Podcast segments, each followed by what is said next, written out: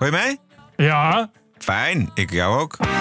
This is the TPO podcast. Zonder wettelijke NAVO-bijdrage wordt het niks met defensie. Omdat dat ook een zekerheid geeft, zodat Defensie ook een, een goede defensie op kan bouwen. Baudet kruipt weer dichter naar bijeen. Het World Economic Forum. De totale tot slaafmaking van mensen betekent. En financieel wanbeheer bij de jonge socialisten. In aflevering 424. Ranting and Reason. Bert Bresson, Roderick Phalo. This is the award winning TPO podcast. Goedenavond Bert. Goedenavond.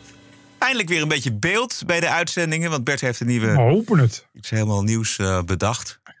Een nieuwe, nieuwe, nieuwe recorder. Ja, ja, ik ken mensen die ons uitsluitend via de YouTube-kanaal bekijken. Eh, die voelden een soort van anker. Die vinden het fijn om, te, en te luisteren en te kijken. Ja. Dus eh, die hebben ons een tijdje moeten missen. Maar eh, inmiddels hebben we weer beeld uit La Palma. Dus dat is ontzettend fijn. So far, so good. So far, so good. Ja, precies. Ja, ja, ja, het kan altijd natuurlijk nog misgaan. Maar voorlopig gaat het goed. Het is maandagavond, 23 januari. De dag dat Yvonne Koldewijer Rachel Hazes... geen gecremeerde kroket meer mag noemen. Het is, eh, ja, maar eh, echt, echt serieus nieuws. Ik heb niet gezien of ANP er ook een persalarm van heeft gemaakt.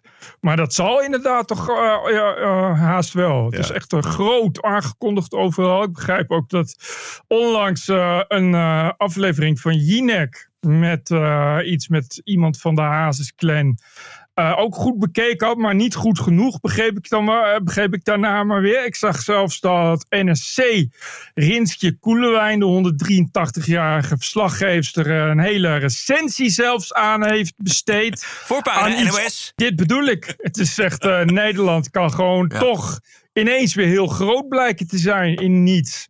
Nou ja, wa- wat een, de serieuze kant eraan is natuurlijk... wat de rechter vond van de vrijheid van meningsuiting. Even, help me even, Ja. want ik Eh, begrijp volgens dat de rechter- ja, Die heeft twee dingen gedaan. Ze heeft één in een video een keer gezegd dat het een slecht mens is. En dat ze alleen maar uit is op het geld van de erfenis van, van Hazes. En dat het gewoon een, een, is, zullen we maar zeggen. En daar heeft in diezelfde uitzending heeft ze volgens mij ook gezegd dat Rachel Hazes eh, niks meer is dan een gecremeerde kroket. Toen is Rachel Hazes naar de rechter gegaan. En die rechter heeft nu besloten dat het onnodig grievend is. Oké. Dus ten eerste oordeelt de rechter dat de uitlatingen van Koldewijer geen algemeen belang dienen, maar gaan om een zeer persoonlijke zaak. Dus het is, het is gewoon een beetje kinderzinnen, zegt Oké. de rechter. Daarnaast heeft Koldewijer volgens de rechter niet voldoende kunnen aantonen dat haar beschuldigingen op feiten baseren. Dus het gaat dus over de relatie tussen Hazes en zijn moeder. En zij moet, mede gezien haar grote aantal volgers, aannemelijk maken dat ze serieuze aanwijzingen heeft voor haar beweringen. En daarin is zij niet geslaagd, zegt de rechter. Maar dit gaat echt alleen over, dat, over die geldkwestie, niet over de gecremeerde kroket. Nee, de gecremeerde kroket is onnodig grievend en de rest eh, heeft ze onvoldoende aangetoond. Zo grievend is dat toch niet? Nee, het lijkt me ook niet. Maar goed, dan wordt dus blijkbaar meegenomen het aantal volgers van Yvonne Kolderweijer. Dat dat dus heel groot is en dat het op een gegeven moment een groot... Kijk, het, het is een beetje... Nou, het is, Ja, Je maar kunt het als, ver- nou, ja, als nou gecremeerde kroket ook al grievend is, dan is, ik bedoel, eh, dan is paardenlul ook grievend. ja, exact. Ja, precies. Nee, het is heel raar. Dus daarom, ik denk dat het om die reden ook best wel groot nieuws is. Ook door de, door de, door de serieuze media zoals NRC en, en de Volkskrant. Ja, ik vind het, ik bedoel, ik vind het heel mild. Je kan, eh, je kan daar toch een hoop slechtere dingen over iemand zeggen. En bovendien, eh, nou, die mevrouw Hazes ziet er, ik zal het niet zeggen gecremeerde kroket dan, maar wel, laat, ik- laat ik het mild, mild zeggen, uit als iemand die nog wel eens naar de zonnebank gaat. Ja. Ehm, en dan, ja, ik weet niet, ik vind het, dat is toch een Komt in de buurt van een uh, gecremeerde kroket, wil je zeggen. Nee, maar dat is toch een keurige beetje bal gehakt. Of zo, weet je wel. Dat is toch niet... dat- is toch niet... Het is geen smerige ziekte of, eh, of iets... Ja, het is geen maffiamaatje. Weet je wel? Bedoel... eh, het is niet iets waarvan je zegt... Jongen, jongen, als, als mensen het geloven dat ik echt zo dat ben... Ja. Dan eh, kan ik mijn carrière wel vergeten. Het is natuurlijk niemand die denkt... Oh, die mevrouw Hazes is een echte gefrituurde kroket of zo. Het is heel raar. De rechter zegt dus dat uitingen als gecremeerde kroket onnodig grievend en beledigend zijn. De privacybelangen van Hazes wegen volgens de rechter zwaarder dan de vrijheid van meningsuiting. Ik zou een hoger beroep gaan. Want het Dat is zou wel, ik ook doen. Je, je kan toch eh, eh, op je vingers natellen dat dit nou niet zo heel zwaar beledigend is. Want eh, als je dit zegt als rechter, dan eh, kun je vrijwel niks meer zeggen, eigenlijk eerlijk gezegd. Want ja, wa- wa- want kijk, ik denk dat Kolderweijer zich inhoudt. Ja, als je boos bent op iemand, kun je de meest lelijke dingen zeggen. Zeker. Ja. En dan zeg je toch iets, nou, waarvan je zegt, dat heb ik vroeger op het schoolplein geleerd als dingen die je dan wel mag zeggen, die je dan in de plaats van, eh, eh, daarvan kan zeggen. Eh, dan zeg je dat en dan zegt de rechter alsnog, ja, nee, mag ook niet. En als dit al grievend is, Nou, precies. en het gaat, kijk, kijk als die mevrouw nou een, vrouw van kleur was, zou ik maar zeggen. Maar dit is iemand die er zelf voor kiest om, om de hele dag onder de zonnebank te liggen. Dus ja, daar is toch ja, een beetje je eigen keuze. En dat mensen daar dan een mening over hebben. Ja, dat lijkt me dan een beetje toch horen bij eigen keuze. Maar ik geef toch wel perspectieven. Dus voortaan eh, alles wat ze over ons zeggen, eh, dat eh, kunnen we ook voor de rechter kennelijk. Ja, ja. Nee, maar je, je zou dan ook geen eikel meer mogen zeggen tegen iemand. Nee, dat bedoel ik. Wat moet je dan wel nog zeggen, weet je wel? exact. Ja, ja. Nee, pannenkoek mag ook niet. Bal gehakt, ook nodeloos grievend. Weet je wel, je Ja. bedoel, wat moet je dan nog zeggen? Ik begrijp niet helemaal hoe, hoe de rechter dit dan toetst ook. Want, Nee. want hoe toets je dat? Ik denk, ik weet niet of er een maatstaf voor is, maar het zal van rechter tot rechter verschillen. Misschien de ene vindt het zwaarder wegen dan de andere. En daarom is het goed dat eh, als Koldewijer in hoger beroep gaat. eh, want de dwangsom is dus 1000 euro voor ieder uur dat de bewuste video nog online staat. En dat kan oplopen tot een maximum van 50.000 euro. Want ze zegt kennelijk in een video iets over dat ze eh, geld belust is. Of, Ja, precies. En dat die relatie met haar zoon. Andere hazes Ja. dus eh, helemaal... eh, ja, daar zegt ze ook een aantal dingen over. En dat, daar, En dat, daar brengt zij Ja, ja. onvoldoende bewijs voor... als je kijkt naar hoe groot haar bereik is. Dat is het een beetje. Kijk, als het suffertje Nee, is, dan maakt het verder niet zoveel uit. Of de schoolkrant. Eh, maar in, dit geval is het dus wel eh, van belang. Blijkbaar. Maar goed, maar dat is dan. Maar goed, daar kan ik dan nog. ik bedoel, ja, dat is een bewering. En als je die niet kan staven, ja, snap ik dat je, dat je daar eh, een zaak van kan maken. Maar eh, ik dacht dat die video echt eraf moest omdat ze ge- gecremeerde kroket zei. Dat Niet, nee, nee, nee. Niet, niet, al- niet alleen dat- dat. Nee, het gaat om meer. gaat echt om meer. Ja. Maar goed, misschien is die rechter zelf ook een beetje een gecremeerde kroket. Dat zou. eh, je gaat toch wel heel anders naar, naar kroketten en crematies kijken. Of, moet ik dan toch zeggen? Nou, en, en naar eh, Rachel Hazes. En misschien was dat ook wel de reden waarom... eh, Ja. Hè? Want het, heeft, het Ja. klopt wat je zegt, hoe jij haar omschrijft. Namelijk als iemand die iedere dag naar de zonnebank gaat. En dan, als je dat dan ziet, dan denk je, ja... Nou, nu je het zegt. Ja. Nu je het zegt. Je, er is toch dat je nu, als je Rachel Haas ziet, je denkt van god, ik heb toch ineens zin om naar de snackbar te gaan. Ja, ja, precies. en ik weet niet waarom. Ja, ik hoop dat ze er meer van maakt. Want ik, wil daar wel, ik ben wel benieuwd hoe dit stand houdt in hoger beroep. Voor elke middelvinger kun je dan naar de rechter, zou ik maar zeggen. Ja, terwijl ik net eh, ook vanwege ehm, de zaak tegen Jellebrand Korsjes... nou juist het idee kreeg dat eh, de rechters in Nederland... dat die vrijheid van Ja, meningsuiting zo hoog hebben liggen. En, en dat, Ja, dat, voelde echt best wel prettig. Ik dacht van, goh, oh, je kan dus echt blijkbaar wel veel... Daarna was er nog een zaak, ik ben even kwijt welke dat was. Nu blijkt het tegenovergestelde. Dus misschien is het een hele persoonlijke... Ja, dat klinkt raar, maar misschien... eh Nou ja, hangt verschilt van de het van rechter tot rechter. Ja, precies. Maar één. Dus daarom zou het goed zijn als ze daar wat in verder gaat. Zodat we weten wat de rest van, eh, rest van het eh rechtervolk er allemaal van vindt. Koldewijer in hoger beroep. Zo is het.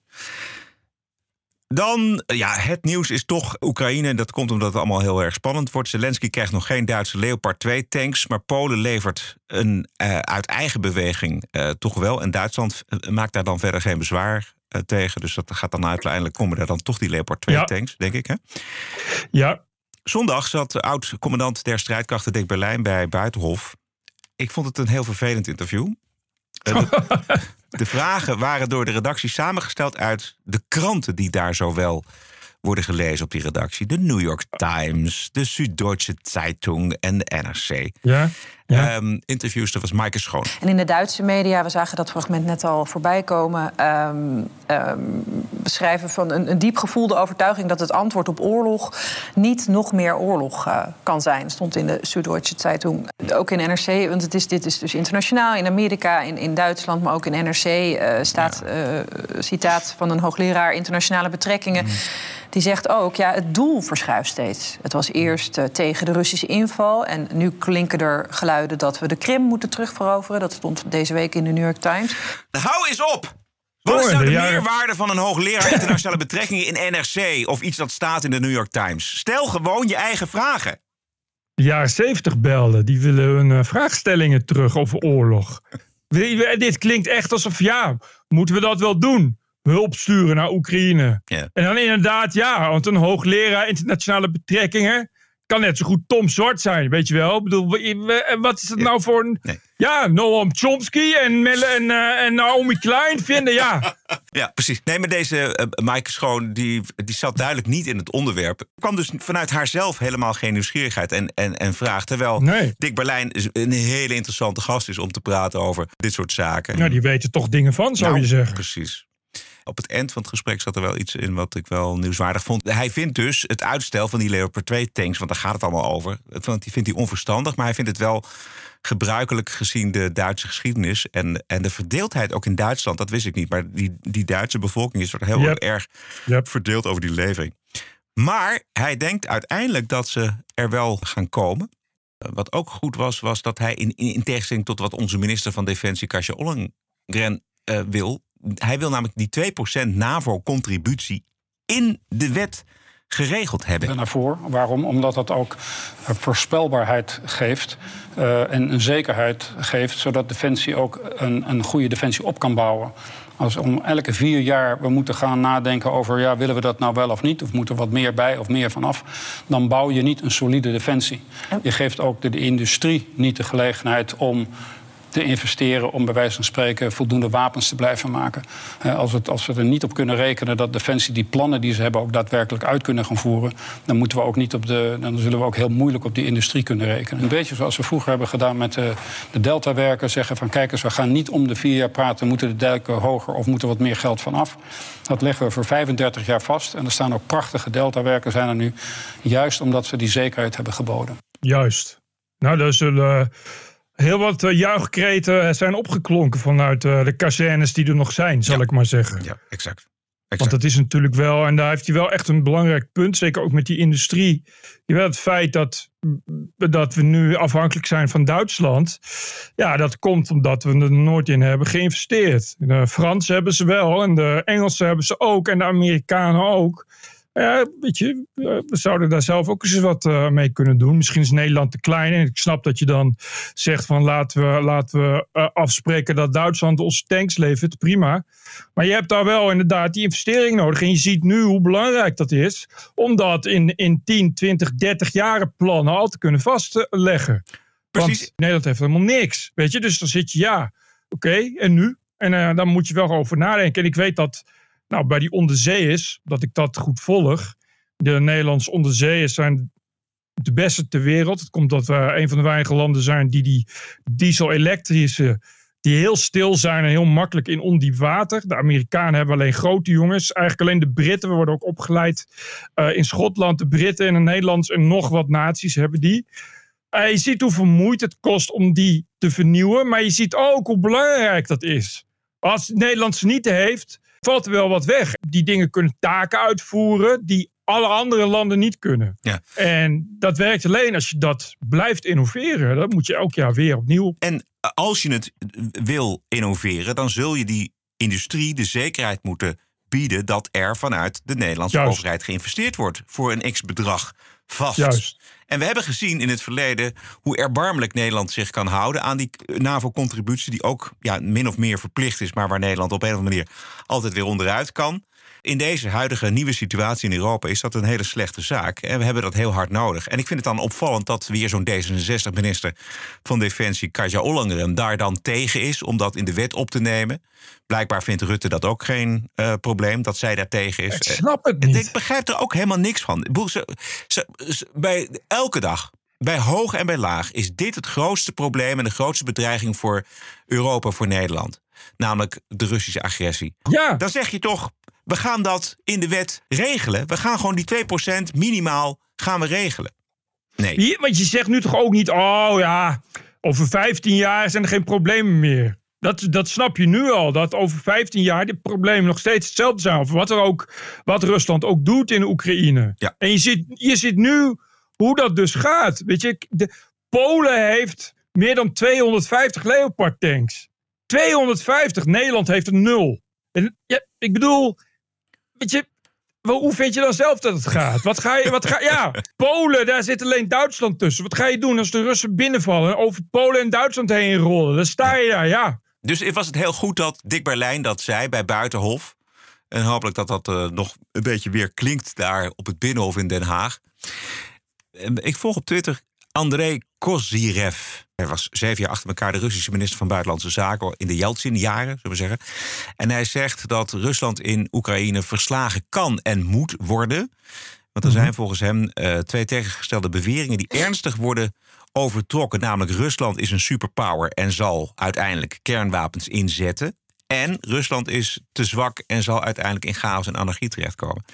Hij zegt dat Poetin en zijn kliek, net als hun Sovjet-voorgangers, ervan bewust zijn dat een nucleaire oorlog niet kan worden gewonnen en niet mag worden uitgevochten. Niet vanwege miljoenen slachtoffers, maar omdat ook zij zouden omkomen. En zij jagen op geld, macht en Precies. roem en niet op zelfmoord, zegt Precies. deze Kozyrev.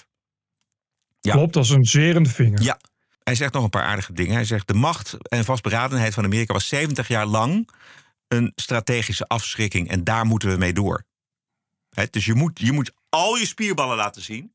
En, Juist. En, en, en laten zien dat je bereid bent. Eh, dat is 70 jaar lang heeft dat gewerkt. En dat werkt nog steeds, zegt hij. Zeker bij Rusland. Ja, Ja, dat is, dat is, maar dat is ook wat, wat eh, bijvoorbeeld Jens Stoltenberg de hele tijd zegt. Ja. We moeten, daarom moeten we wapens leveren, omdat we, je moet aan Poetin laten zien dat we spierballen hebben en, en bereid zijn te gebruiken. En je moet gewoon die lijn trekken. En in die zin is dus ja, begrijpelijk enerzijds, maar ook jammer dat Duitsland nu een dissidente positie inneemt binnen de NAVO. Ja, maar ja, Duitsland, kijk, Scholz, die is natuurlijk ook, dat ligt natuurlijk ook politiek gevoelig. Zeker. Hij zit natuurlijk ook met een, met een eh, volgens mij niet de hele coalitie er blij mee. De Groenen willen die wel, of willen die niet? Ja, weet ik niet. Het zijn natuurlijk zware aanvalswapens, dus dat is allemaal vastgelegd in wetten en verdragen. En in Duitsland, eh, daar hebben ze geloof ik in het verleden iets gehad met een akkefietje met een oorlog. En sindsdien zijn ze daar iets voorzichtiger met allerlei dingen, dus het, het telt daar allemaal iets zwaarder. En die Polen, die hebben er dus 250. En dat zijn dus ongeveer genoeg bijna voor wat Oekraïne wil. Dus die kunnen ze morgen nog sturen. Alleen dan loop je het risico dat Duitsland zegt... ja, weet je, wij vinden het prima, maar we willen er verder geen deel aan hebben. Dus krijg je geen reserveonderdelen. Die tanks zijn hè, onderhoudsgevoelig. Dus die hebben continu onderhoud nodig. Dus daar heb je continu onderdelen voor nodig. En als die onderdelen op zijn... dan kun je dus niet zoveel mee. Dan heb je binnen een paar weken kun je geen tank meer gebruiken. Als ik jou zo beluister, dan heeft het heel erg te maken met die Duitse bevolking die blijkbaar heel erg verdeeld Juist. is vanwege die geschiedenis natuurlijk. Dat, Precies. akke- dat akkefietje. Nee, maar ik bedoel, dat is niet, niet, niet, niet niks, weet je wel. Als je twee keer achter elkaar zelfs de, de aanstichter bent geweest van een wereldoorlog eh, te beginnen in Europa, dan bedenk je je toch wel een derde keer om daar eh, mee te beginnen, zullen we zeggen. Dus ik, dat begrijp Ja. ik ook wel, ja. ja. Nou, het is ook in de wet vastgelegd dus dat je geen voorraden mag produceren. Dat komt dus omdat ze dat eerder hebben geprobeerd en bij Hitler ging dat nogal mis. Ja. Eh, dus ze kunnen niet, dus je hebt ook geen tanks staan. En voor die export las ik dat het dus inderdaad heel, heel nauwkeurig moet kunnen worden vastgelegd waarvoor je ze wilt gaan gebruiken. En dat je ze dus bijvoorbeeld niet mag gebruiken voor een aanvalsoffensief. En dat is dus lastig op het moment dat je zegt van ja, maar ja, wat nou als we die, die Leopard sturen en die Oekraïners gaan de Krim. Ja. Oké, en dan? Ja. Maar wat nou als ze daarna zeggen we gaan verder? Weet je, en, maar- en dan is dat niet alleen een ethisch-moreel ding, maar ook iets wat gewoon vastgelegd is in de Duitse wet. En ja, dan wordt die Scholz wordt daar wel voorzichtig van, want die ziet natuurlijk zijn, zit zijn politieke toekomst al in duik gevallen. Twee keer per week de TPO-podcast op dinsdag en op vrijdag. Twee keer per week. Ranting and Reason. Al vijf jaar lang op dinsdag voor noppes. En dat blijft ook zo. Maar de vrijdagshow is nu exclusief voor leden. Voor 4 euro per maand of 40 euro per jaar. De TPO-podcast. Twee keer per week en maar één keer betalen. Elke week de vrijdagshow voor maar 4 euro per maand. Keep the show running. Ga naar petje.af slash TPO-podcast. Over precies 50 dagen, woensdag 15 maart, gaan we naar de stembus voor de provinciale staten en de Eerste Kamer. Maurice de Hond die had zondag in kaart gebracht waar welke partijen de grootste eh, zijn Zo. op dit moment. eh, als er vandaag verkiezingen zouden zijn. Nederland eh, wordt zo goed als verdeeld tussen de BBB en de VVD. Eh, de, PV Precies. de PVV heeft ook nog eh, daarna nog een paar, eh, ja, best wel een redelijk oppervlak van Nederland. Ja, 21 is de grootste in Rotterdam-Rijnmond. Niet zo gek met Joost Eertmans uit, uit Rotterdam. GroenLinks, kleine plukjes in het land, maar wel de grootste hier in Amsterdam. Goh, Maar goed, dat is het dan. D66 gewoon helemaal weg. Helemaal, maar ik, Ja. Die kaart was ook echt, Ja, drie kwart was gewoon BBB ook, weet je. Dus die gaat sowieso echt heel groot worden. Ja. En de coalitie natuurlijk ook interessant. Die heeft nu 32 zetels. En die zou gaan naar 30 zetels, had eh, de hond uitgerekend. Eh, de, verder is de grote vraag natuurlijk... gaat de Partij van de Arbeid en GroenLinks voldoende zetels halen... om het kabinet aan een meerderheid te helpen in de Senaat? En dat zal erom spannen. Daar kreeg ik niet echt een helder Nee. antwoord op. Hij had wel, dat was grappig. Er zat ook een, eh, een kaartje bij van, ik geloof 2003, de provinciale staten. En daar zag gewoon eh, CDA en PVDA. Ja. Eh, en, en die zijn dus nu volledig weg. Dus, dus dat kan, kan 20 jaar tijd, is dat helemaal volkomen weggevaagd. En Bovendien in 2003, ja, dat was toch de tijd dat je als grootste partij minimaal 40 zetels eh, eh, stond, zou ik maar zeggen. Ja. Ongelooflijk, die twee grote partijen, de grootste waren zij. Met een enorme achterban, met enorm veel kiezers. Dat die eigenlijk niet stilstaan bij dat dramatische verlies in, in, in die paar jaar tijd. Nooit zelfonderzoek, helemaal niet nadenken. God, wat doen we eigenlijk verkeerd? Puur in het eigen belang van de partij. Nee. Terwijl, terwijl dat toch partijen zijn die zo'n enorme legacy hebben. dat ze toch de haarvaten in de samenleving fijn moeten aanvoelen. Ja. Het geeft te denken dat het in 20 jaar tijd volledig verdampt is. Dat je in 20 jaar tijd eigenlijk al je voelsprieten bent kwijtgeraakt. Je hele netwerk. En het niet meer is gelukt om, om daar ook maar iets van terug te winnen. Dus ook niet dat je zegt van het is alsnog een grote partij. Maar gewoon nee, helemaal weg. Want het CDA is wat, vier zetels of zo. Ja, iets meer. Maar goed, eh, een, sch- een Vijf schijntje. misschien. De Partij Ja, nee, maar de- ook een schijntje. En VVD Ja. gaat misschien wel diezelfde kant op. Nee, het is ongelooflijk. Is toch, dan zijn politici waarschijnlijk toch... Dan zijn de volsprieten die delven het onderspit van de oogkleppen. Want dan vraag je je toch af, hoe kan het nou dat we ook voor die boerenstand, die al 100 miljoen jaar standaard op CDA hebben gestemd, dus waar echt toch eigenlijk altijd wist je als CDA, ik hoef niet eens moeite te Ja. doen. Want in Almelo, daar stemmen ze toch allemaal CDA, wat je ook doet, zou ik maar zeggen. En eh, ja, dat, dat dat is afgepikt door iemand die, die ja, ja hoe, lang zit die er? Eh, eh, twee jaar of zo. Die, die Caroline van der Plas, die komt uit het niets op de golven van dus de, de, de, de stikstofproblematiek. Ja. Dat komt omdat met name de, het CDA, maar ook de VVD in haar verkiezingsprogramma niks heeft gezegd over die stikstof, niks heeft gezegd over de maatregelen en hun kiezers overvallen heeft met dit beleid.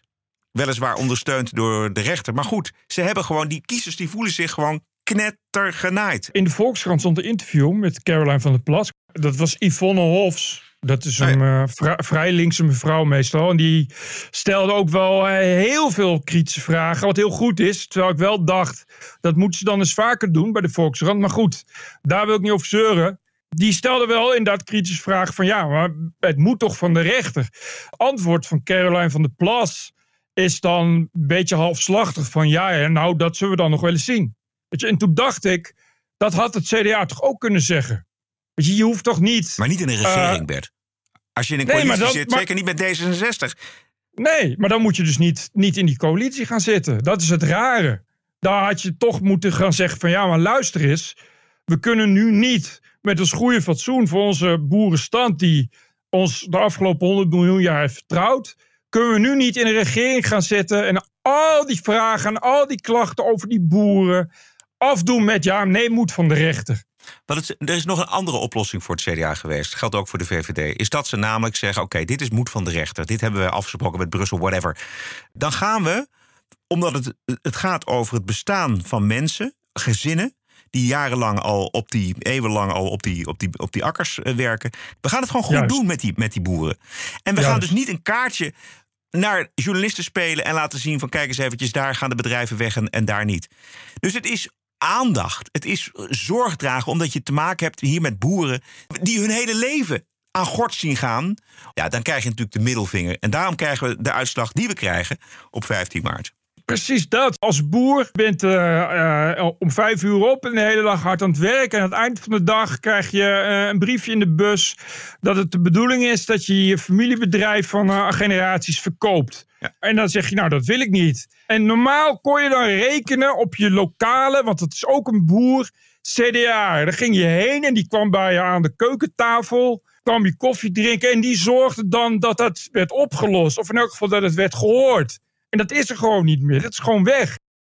En ik snap wel dat je dan zegt, ja, maar goed, dan kies ik voor iemand als, als die Caroline van der Plas. En misschien wordt die wel ook door de rechter teruggefloten. Dat zou kunnen. So what?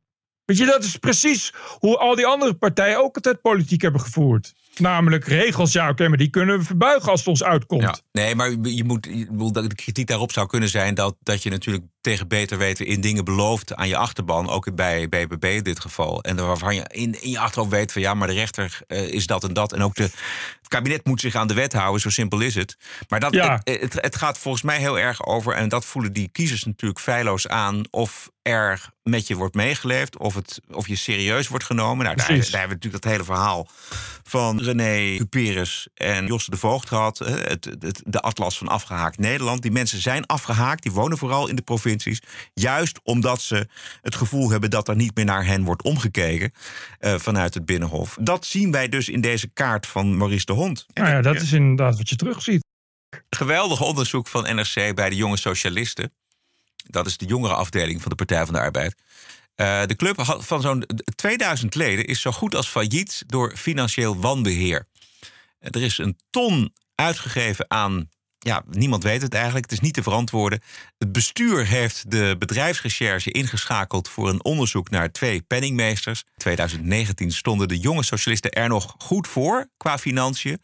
Maar toen kwamen dus deze twee penningmeesters met het mantra meer uitgeven.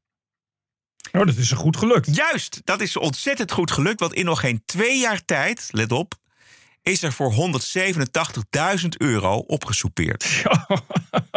Twee jaar. Oh, Ja. Het is een fantastisch verhaal. Dus op een vergadering dreigde ze er zelfs op een gegeven moment een vechtpartij te ontstaan met een van die penningmeesters. Want er was, mensen zeiden natuurlijk van waar, waar, hoe komt dit? Het is ons ja. contributiegeld, onze jonge socialisten. Wat doen jullie in godsnaam met dat geld? En die penningmeesters die hebben, hadden ook nog, dat waren vrienden van elkaar, want de een heeft de ander opgevolgd. Die penningmeesters die zijn ook nog samen op, vakantie geweest naar Malta. Toen hebben ze een vakantieposter op Instagram gezet. En daar verwezen naar hun uitgavenpatroon bij de partij. En dat viel ook in hele slechte aarde. Ik snap ook niet. eh, Een clusterfuck van hier tot Tokio, fantastisch. je kan natuurlijk besluiten om heel veel uit te geven, maar daar zijn dan toch bonnetjes van. Ja. Zoals, ik het, zoals ik het hoor en lees, klinkt dat gewoon een ordinaire Ja, zelfverrijking. ja dat, is, dat is natuurlijk... ja, je hebt natuurlijk geen, geen 187.000 euro kwijt aan eh, dingen die je eigenlijk wel kunt verantwoorden. Dat is natuurlijk onzin. Dat kan iedereen wel bedenken.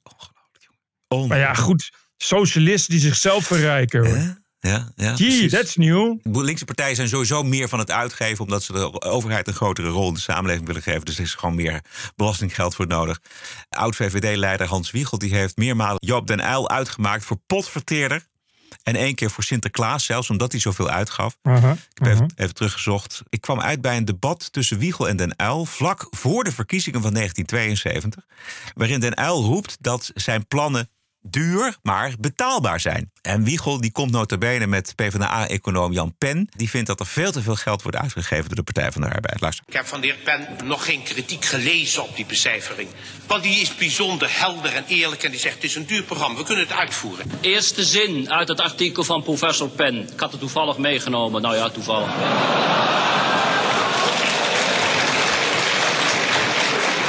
Ik lees Pen, het concept voor het progressieve regeerakkoord. En ik denk, wat irriteert mij toch zo? Dat is die leuke inleiding waar de heer Den Uyl net over sprak. Nog een zinnetje. Alle kiezers wordt honing om de mond gesmeerd. Sinterklaas pakt uit of het niet op kan. Laatste citaatje, kan nog best doorgaan, maar dat doe ik niet. Gewetenloos, schrijft Pen. Ik zeg het na koele overweging. Want hier wordt de democratie ondermijnd. Hier worden de mensen opgevoed in de politiek van de illusie. Sinterklaas bestaat. Daar zit hij, achter de tafel.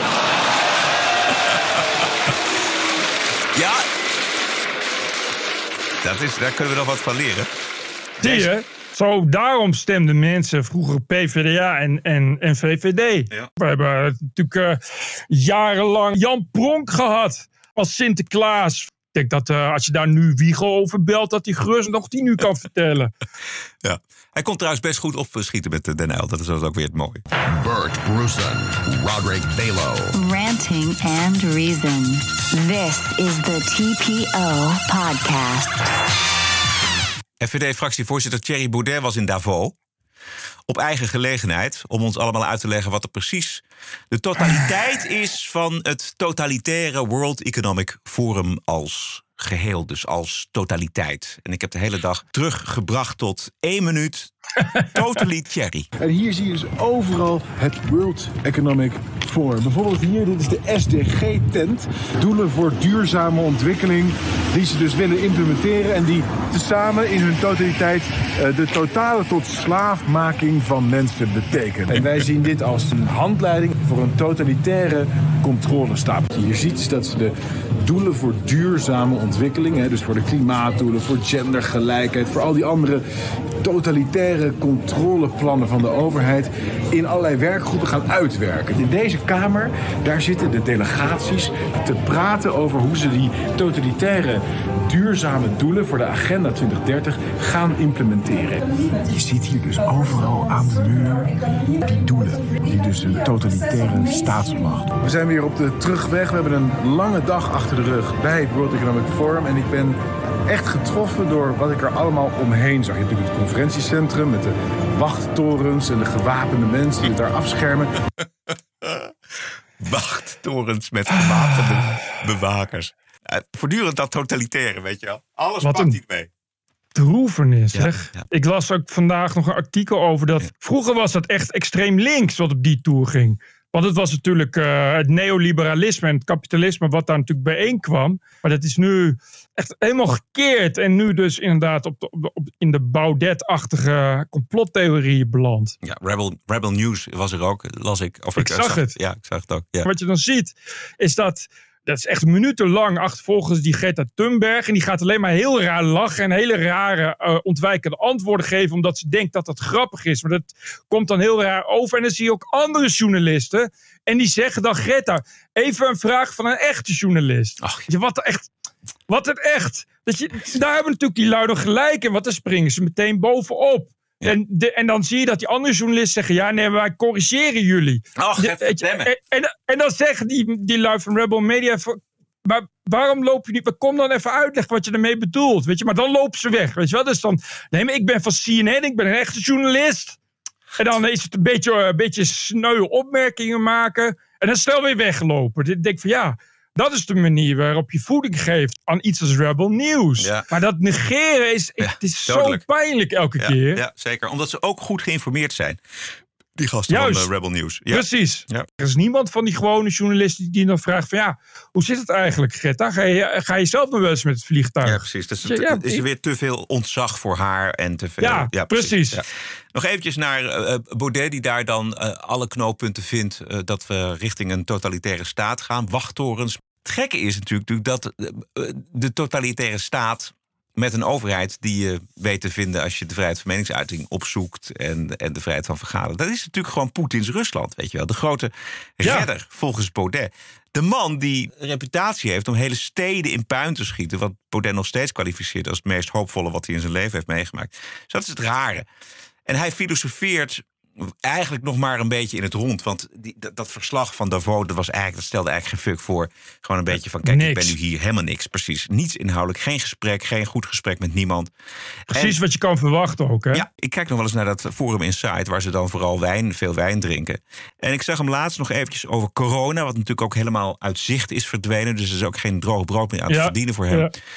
En daar zegt hij dan het volgende over, maar let ook vooral op de manier waarop. Ja, dat, en bepaalde mensen ja, die zullen daar ziek van worden. Een enkeling zal op de IC terechtkomen en, en een, een, pechvogel die zal misschien eraan sterven. Ja, dat is part of life. Um, dat konden ze niet verdragen. Dus dan hebben ze liever is de controle. Het, is, het, is, het komt ook echt voort uit een behoefte. Controle over de natuur. Controle over het klimaat. Controle over de economie. Controle over het leven zelf. Laat het los. Nee, dat kunnen ze niet. Dus dan maar iedereen opsluiten. Dan maar iedereen mondkapjes. Iedereen injecteren.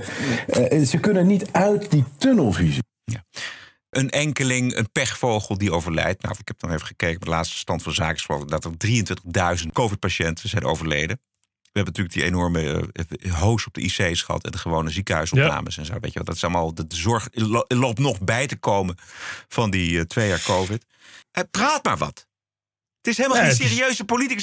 de feiten interesseren. En volgens mij houdt hij het nieuws ook helemaal niet meer bij. Hij doet maar wat. Hij heeft nu een nieuwe hobby, namelijk met een cameraman naar dit soort gelegenheden toe. En, en laten zien: kijk eens even, ik ben ter plaatse, ik weet wat er speelt.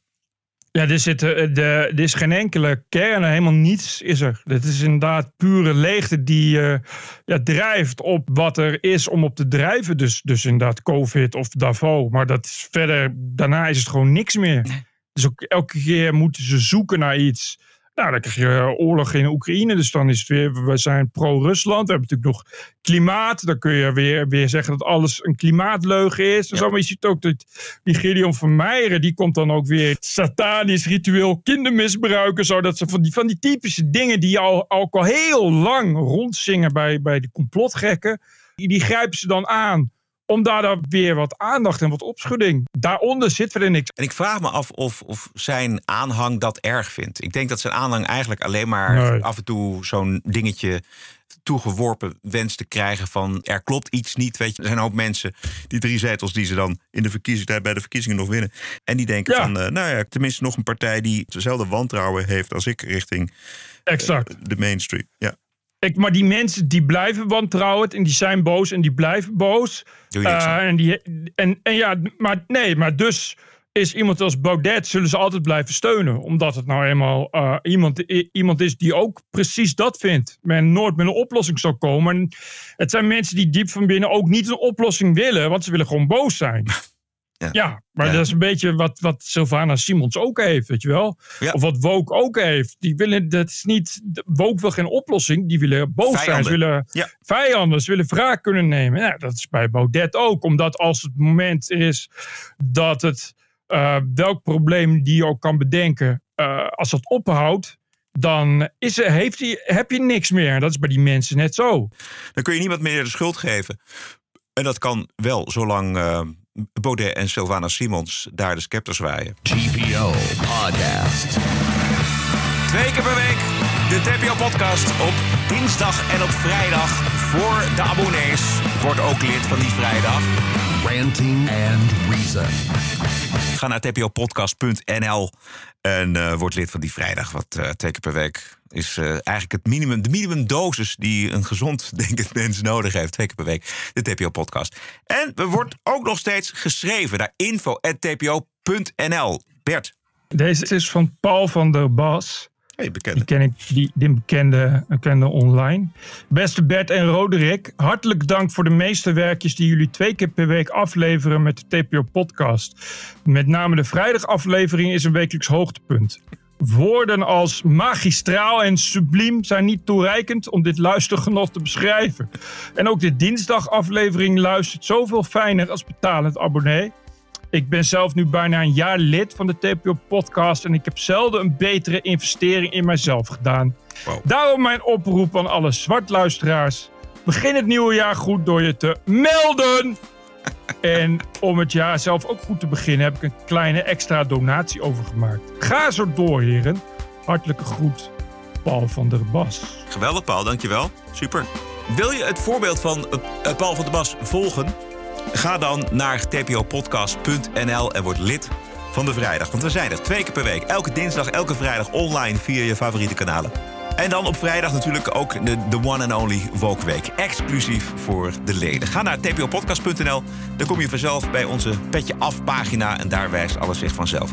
Heel veel dank. Stay cool. En tot vrijdag mensen. Tot vrijdag Bert. TPO Podcast. Bert Bruson, Roderick Balo. Ranting and Reason. Echt zo'n gevoel toen ik dit gisteren zag. In wat voor een land leef ik? Dat heb ik ook getwitterd. In wat voor een land leven we dan? Podcasting is the TPO podcast in the Netherlands. Bert and Roderick. What a show. I'm telling you. Keep the show running. Go to tpo.nl slash podcast. Thank you.